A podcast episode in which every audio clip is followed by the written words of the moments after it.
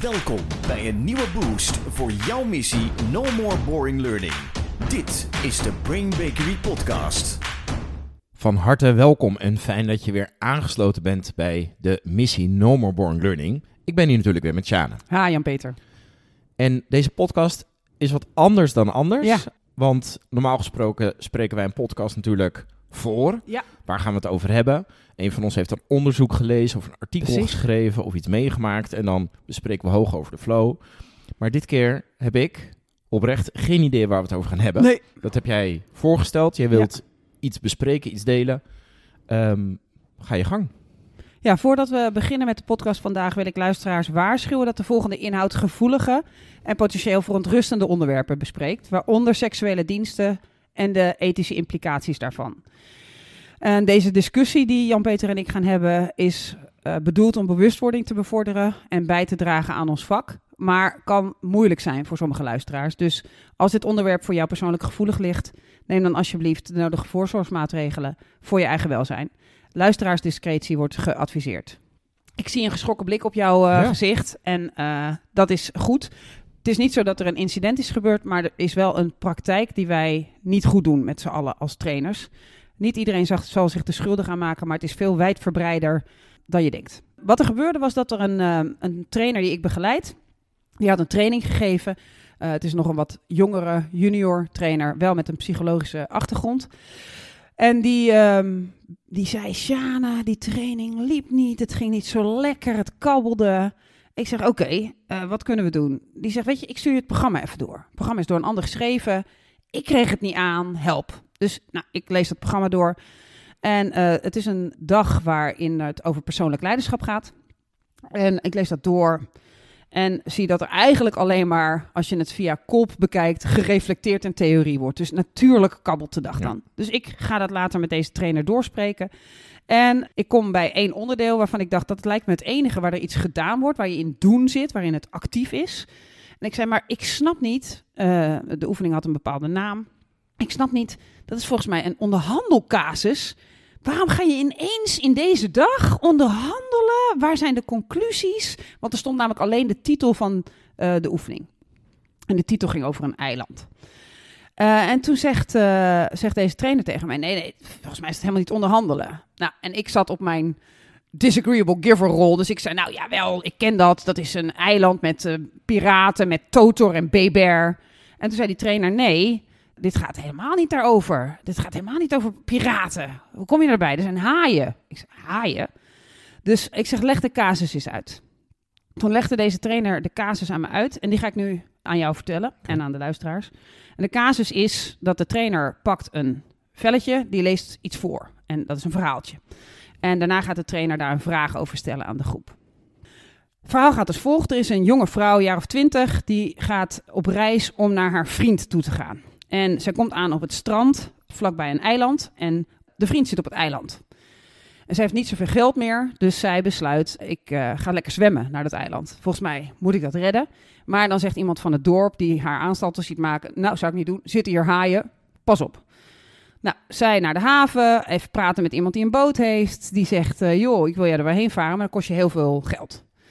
Dus eh, zij, zij telt haar geld en denkt, ja, dat heb ik niet. Zij weet wel dat zij geld nog ergens anders vandaan zou kunnen halen via de moeder.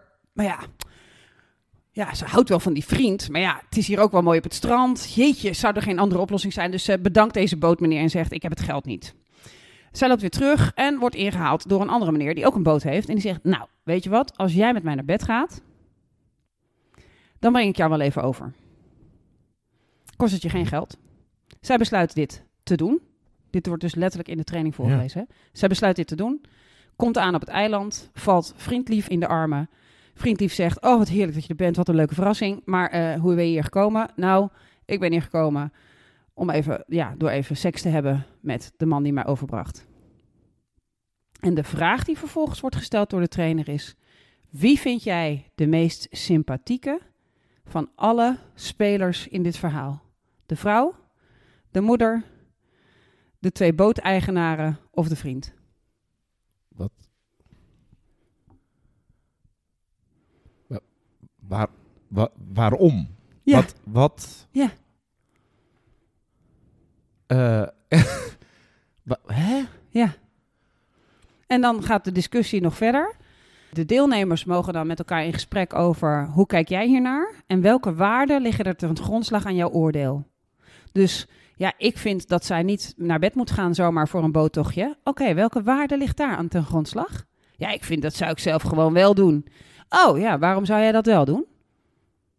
Maar dit, Dit- is toch aan alle Ja. kanten ongelooflijk problematisch. Het is onethisch, het is verschrikkelijk. Maar dit is, dit is zo... eh, hoe, noem je dat? Ook patriarchaal ingestoken, als ik Ja. dat goed heb. Slutshaming Ja. zit er helemaal in. Verkrachtingscultuur zit Ja. erin. De mannen mogen ook oordelen over de vrouw die weer haar seksuele gunsten uitverleent. Het is aan alle kanten verschrikkelijk. Ja. En nog even, stel je voor, je hebt rondom seksuele intimidatie of grensoverschrijdend gedrag seksueel gezien iets meegemaakt en je zit daar. Ja. En er zit een man naast je, Henk van 55, die heeft nog nooit daar iets in meegemaakt. Die zit het gewoon goed te Ja, praten. en hoe voel jij je dan? Je bent een, eh, hoe noem je dat, sfeer, een, een ruimte aan het Ja. creëren waarin het voor mensen super onveilig kan zijn. Eh, los, van, los van nog van het ethische, je bent, je bent het juist risicovoller aan het want maken. stel je voor dat ik Ja. wat zeg vanuit emotie, omdat ik daar iets in heb meegemaakt. En, een ander, en de trainer vat het samen. Oké, ja, zo kun je ook kijken. is ook een waarde om zo te kijken. How dare you? Het is echt... Ja. Wat is... Nou, Ja, sorry. Terug ik naar ben het... eerder- nee, ik niet ben- sorry. Ja. Ja. Jawel, wel. Ja, ja, Nee. sorry voor het sprakeloos, hè, want Ja. ik vind het echt heel erg, maar Ja. er komt niet zo heel veel meer uit dan... Nee, What the fuck? Ja. Nou is het zo dat deze training wordt heel vaak gegeven. Duizenden deelnemers per jaar. En daar zit deze casus in. En dit trainingsbureau heeft hier nog nooit feedback op gehad. En Dat- geen van de trainers heeft ooit Ziet gezegd: Sorry, what the fuck? Die casus ga ik er niet in doen. Sterker nog, bij navraag zei ik: Jongens, wat vinden we hiervan? Eh, en toen zeiden ze: Nou, waar het heel gaaf voor is, is de discussie gaat echt gelijk op scherp. Ja. Pardon! Ja. ja. Ja, Tuurlijk gaat de discussie op scherp. Ja. en maar de discussie gaat dus niet. van wat? Ja, Ja. het is toch moreel compleet verwerpelijk Ja. als je dit in een training doet? Zonder. Zelfs, zelfs, zelfs een moordpodcast heeft een trigger warning. Ja. We doen dit gewoon even. eh, Persoonlijk leiderschap, yo. Maar goed, het verhaal gaat verder. Maar het wordt. Eerst ga ik even kijken naar wat gebeurde er met mij. Want ik wil niet mijn eigen straatje eh, schoonvegen. En daarna wil ik het nog veel erger maken. Oh. Helaas. Ik hoorde dit aan en was verbaasd. En omdat ik deze trainer goed ken en om deze trainer geef, was ik een soort. eh, dit lijkt me toch niet helemaal goed. Ja. Hè, dus ik was niet gelijk in de zevende staat van, van Zo- paraatheid. zoals nu. Ja. Dus ik zo. Eh, het lijkt me toch niet goed om het uitruilen van seksuele diensten als een waarde neer te zetten. eh, waarop die trainer begon te schrikken. En, en eigenlijk toen pas kon ik gaan voelen. Wacht even. Ja. Ho, dit is vreselijk. Dit is heel erg. Dus samen kwamen we een beetje tot die conclusie. Vervolgens ehm, vonden we het dus allebei heel erg erg. En zaten we echt van, waar komt dit nou vandaan?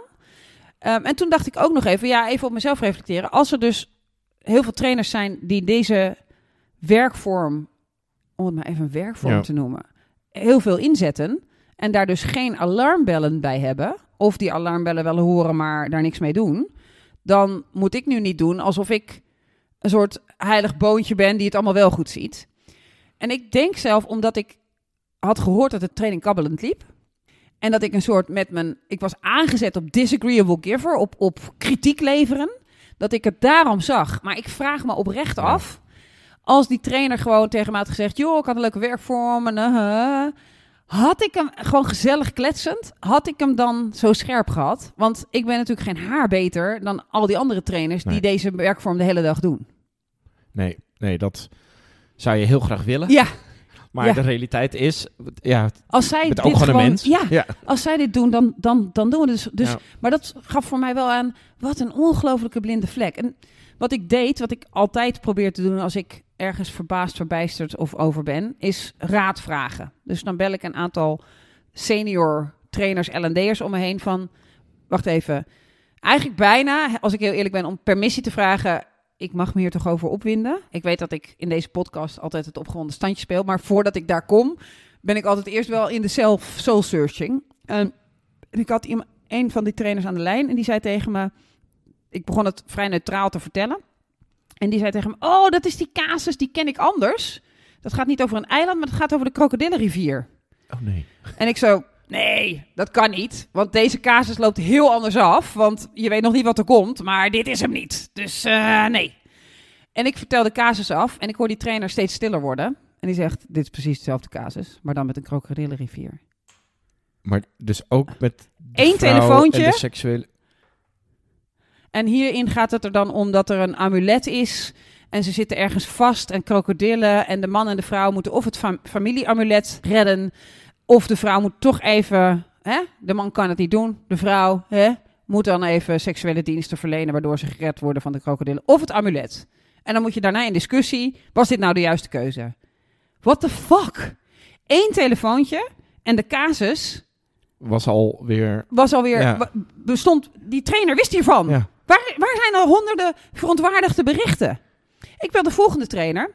Die bel ik altijd. Die is heel goed in emoties even heel heftig maken. Waardoor ik echt even mag voelen wat ik voel. Waarna, waarna ik dan weer rustig kan worden. En uh, zij zei letterlijk: Sjane, maar dit is een casus. Hiervan moet je gewoon drie weken lang in feutushouding op de grond gaan liggen huilen. Ja. Dat wij dit doen. Dat vond ik zo goede beeldspraak. Hoe, hoe, hoe durven, durven, we? Hoe, ja. Wat? Wat de hel? En toen hingen we op. En twintig minuten later kreeg ik van deze trainer een mail. Oh, ik ken deze casus. Ik ben na gaan denken. Ik denk, er zit me iets dwars. Ik ken deze casus nog weliswaar van vele jaren geleden. Als de casus Peter en Karin. Lieve mensen, ik lees de casus voor. Ik wil dat je blijft luisteren en je kapot schaamt voor ons vak en er iets aan gaat doen. Want dit is echt niet goed. Peter en Karin gaan op huwelijksreis met een boot. Aangezien ze zelf niet kunnen varen, hebben ze een kapitein meegenomen. Het bootje leidt schipbreuk en Peter en Karin en de kapitein raken van boord. Peter en de kapitein spoelen aan op het vasteland en Karin komt terecht op een zogenaamd onbewoond eiland met twee kluizenaars. Ja, je voelt nu al... Ja. Uh, de afstand tussen het eiland en het vasteland is 5 kilometer. Karin kan niet gaan zwemmen, dus ze vraagt een kluizenaar 1 of hij haar met het bootje naar de overkant wil brengen. Dat wil hij wel als ze met hem naar bed gaat. Kluizenaar 2 heeft ook een bootje, maar vraagt het medaillon van haar overgrootmoeder. Ze besluit met kluizenaar 1 naar bed te gaan. Waar, waarom ja. ook niet de man? Waarom ja. de vrouw? Waarom gaat ze altijd met ze? Waarom is altijd dat het besluit? Ja, goed, verschrikkelijk. Want, want, dat. Sorry, ga eerst de casus maar. ja. Ik hoop dat je af en toe aan Lotte denkt terwijl we het hierover hebben. Wat fuck? Ja. Je zal toch maar, je dochter zal toch maar in een training zitten en de trainer doet dit. En misschien is het ook nog wel een mannelijke trainer. En ja, dus zeer waarschijnlijk wel. Ja. Dat is uh, jouw waarde. Ja. Ze besluiten thuis naar één naar bed te gaan en komt aan op het vasteland waar Peter en de kapitein staan. Karin zegt: Peter, hier ben ik, maar voordat we iets zeggen of doen, ik ben met hem naar bed geweest zodat hij mij naar de overkant bracht. Peter draait zich om en loopt weg. En dan is opdracht 1. Komt hij aan. Je hebt één minuut om een lijstje van 1 tot en met 5 te maken in een volgorde. Wie vind je het meest en wie vind je het minst sympathiek? Het is, zo, het is zo uitnodigend om dus op de vrouw in te hakken. Ja. Want oeh, daar vinden we met z'n allen wat van. Ja, het, is, het is zo stereotypisch ja. bevestigend van rape culture en slutshaming. En dan moet je waarschijnlijk als vrouw of als uh, mensen met gevoel ook nog zeggen... Ja, maar ze heeft wel het amulet gered. Uh, ah! Ja. Hou op. Ja. Opdracht 2. Maak met de hele groep één lijst waar iedereen het over eens is. Je hebt één kwartier. Ook nog normerend. Ja. We, zijn het, we, we, kunnen het dus hierover eens worden. Over een casus waar je niet eens mee geconfronteerd mag worden. En dan evaluatie. Wat gebeurde er? Wat zijn jullie aan het doen? Wat is jouw lijstje? Wat is het effect van jou? Ook fysiek. Wat voel je hierbij? Kun je het link leggen naar je Woede. werk? Kun je Kun je een link leggen naar je werk? Stel Pardon? Dat je, stel dat je toch ook iets hebt meegemaakt. Ja. Stel dat je iets hebt meegemaakt op je werk. En dan komen ook de conclusies. Ben je er klaar voor? We hebben dus iedereen nou, met een trauma kapot gemaakt. Ja. Zoals we bij Karin en Peter zagen, communicatie is pure interpretatie. Okay. Je weet het nooit 100% zeker. Zegt iemand de waarheid? Je weet het niet. Het is de perceptie van degene die je hoort vervolgens interpreteert die ander het, zodat het haar perceptie... Nou, het gaat alleen maar zo door. Alsof dit over perceptie en waarde gaat. Of alsof je over waarde kunt praten bij het... het nou goed. Op alle fronten is dit niet oké. Maar, conclusie is wel, trainers doen dit. Ja. En nu denken we allemaal, dit doe ik niet. Maar ja. als je dus weet dat er 30 zijn die het doen. En ik heb twee mensen gebeld. En zij hadden allebei kennis van dezelfde casus in een ander jasje. Nou is dus het N is 2, maar het is ook N is 2 over iets heel ergs. Ja. Dus dit zinkt kennelijk rond. Dit is er. Ja. ja. En hier zijn sommigen denk ik misschien mee gestopt, omdat het vroeger meer kon. Terwijl het natuurlijk toen ook al niet kon. Maar toen hadden we de MeToo-beweging nog niet gehad, waardoor we met z'n allen opgevoed zijn. Ik wil er een paar punten over maken. Ten eerste is dit ongepaste en onethische inhoud. Dergelijke situaties introduceren is een zeer gevoelige en potentieel traumatiserende kwestie. Het bespreken van seksuele diensten in een professionele of educatieve context die niet over seks gaat, is bijna altijd ongepast. Tenzij het specifiek over uh, seks, misbruik, dat soort dingen gaat. En dan moet het ook nog duidelijk zijn bij de opleiding, daar gaat deze opleiding over. Je mag er hier niet zomaar in terechtkomen. Nou, als je dan kijkt naar de toon, het is seksistisch en objectiverend. Hè? De vrouw wordt neergezet als het object die weer de fout maakt, die weer haar benen wijd doet. Uh, dus de casus kan zeker zo geïnterpreteerd worden. En de vrouw zit in een kwetsbare situatie en wordt dan eigenlijk seksueel gewoon keihard uitgebuit. En moet daar verantwoording afleggen. En de mannen in de groep mogen daarover oordelen. Het is een trigger voor trauma, ik heb hem al gezegd, maar dat is het gewoon. Daarnaast zal je maar in een groep zitten waar mensen met verschillende culturen, verschillende kijken naar seks zitten. Ik weet dat wij in Nederland best wel bevrijd zijn rondom dat soort dingen. En dat je misschien ook nog wel Temptation Island, we kunnen elkaar daarvoor vergeven, we gaan toch samen door. Maar er zijn ook culturen waarin dit gelijk staat aan we gaan jou nu stenigen, want je bent het, hebt het met een ander gedaan. Ja. dus er zijn andere normen en waarden ook nog over wat deze. Hoe ga je daarmee om? Wat trigger je daarop? Ben je helemaal gek geworden? je, trekt, je trekt een.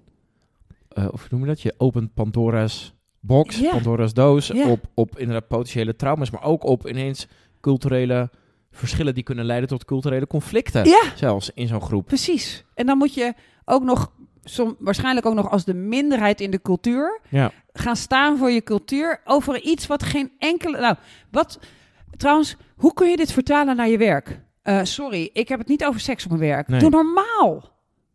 Dus dat is er ook nog één, even puur vanuit uh, opleidingskundig, maar dat is wel de minst belangrijke. Welke transferwaarde zit hierin? Ja. En welke leerdoelen wil je hiermee? En dan vooral met die, met die conclusies die jij zei bij die casus van die Karin en Peter. Ja, communicaties, interpretatie en dat soort dingen. Maar dit gaat... Ja, en het ligt aan welke waarde jij aanhangt. Hè? Ja. Want je kunt dus verschillend kijken. En alle manieren van kijken zijn dus even valide. Hou op. Ja, vooral dat. Dus ik wil deze podcast beëindigen met... we moeten dit echt beter doen. Dit is overal waar het is. Overigens is het dat is misschien nog even eh, goed om te zeggen, heb ik de baas van dit trainingsbureau gebeld. Die schrok zich te pletter. Uh, was er niet van op de hoogte dat dit ergens door iemand in de training was gestopt. En het is onmiddellijk gestopt. Dus dat is fantastisch. Maar, maar waar hebben wij nog relieken die vroeger ooit niet konden, maar wel konden? Ja. En doen we die nog gewoon? Zijn we gek geworden met z'n allen?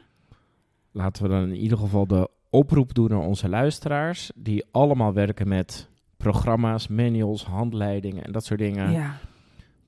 Of kijk er zelf heel kritisch naar, maar beter nog, laat er eens iemand anders ja. met een ander perspectief naar kijken. Van zitten er dit soort rare, gevaarlijke, verschrikkelijke, potentieel destructieve ja, oefeningen, werkvormen. Ongelooflijk. in, en, in je en ook nog en ook nog totaal irrelevant voor welk werk dan. Ja. Doe normaal. Ja.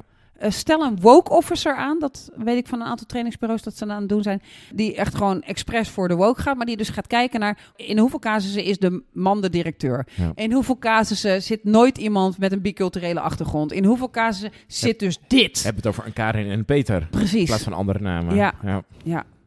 Dus ja, en in hoeveel casussen gaat Peter dan gewoon eens uit de kleren. Nou ja, goed. Is sowieso ook dat niet. Nee. Ja, ophouden. Mensen, do better.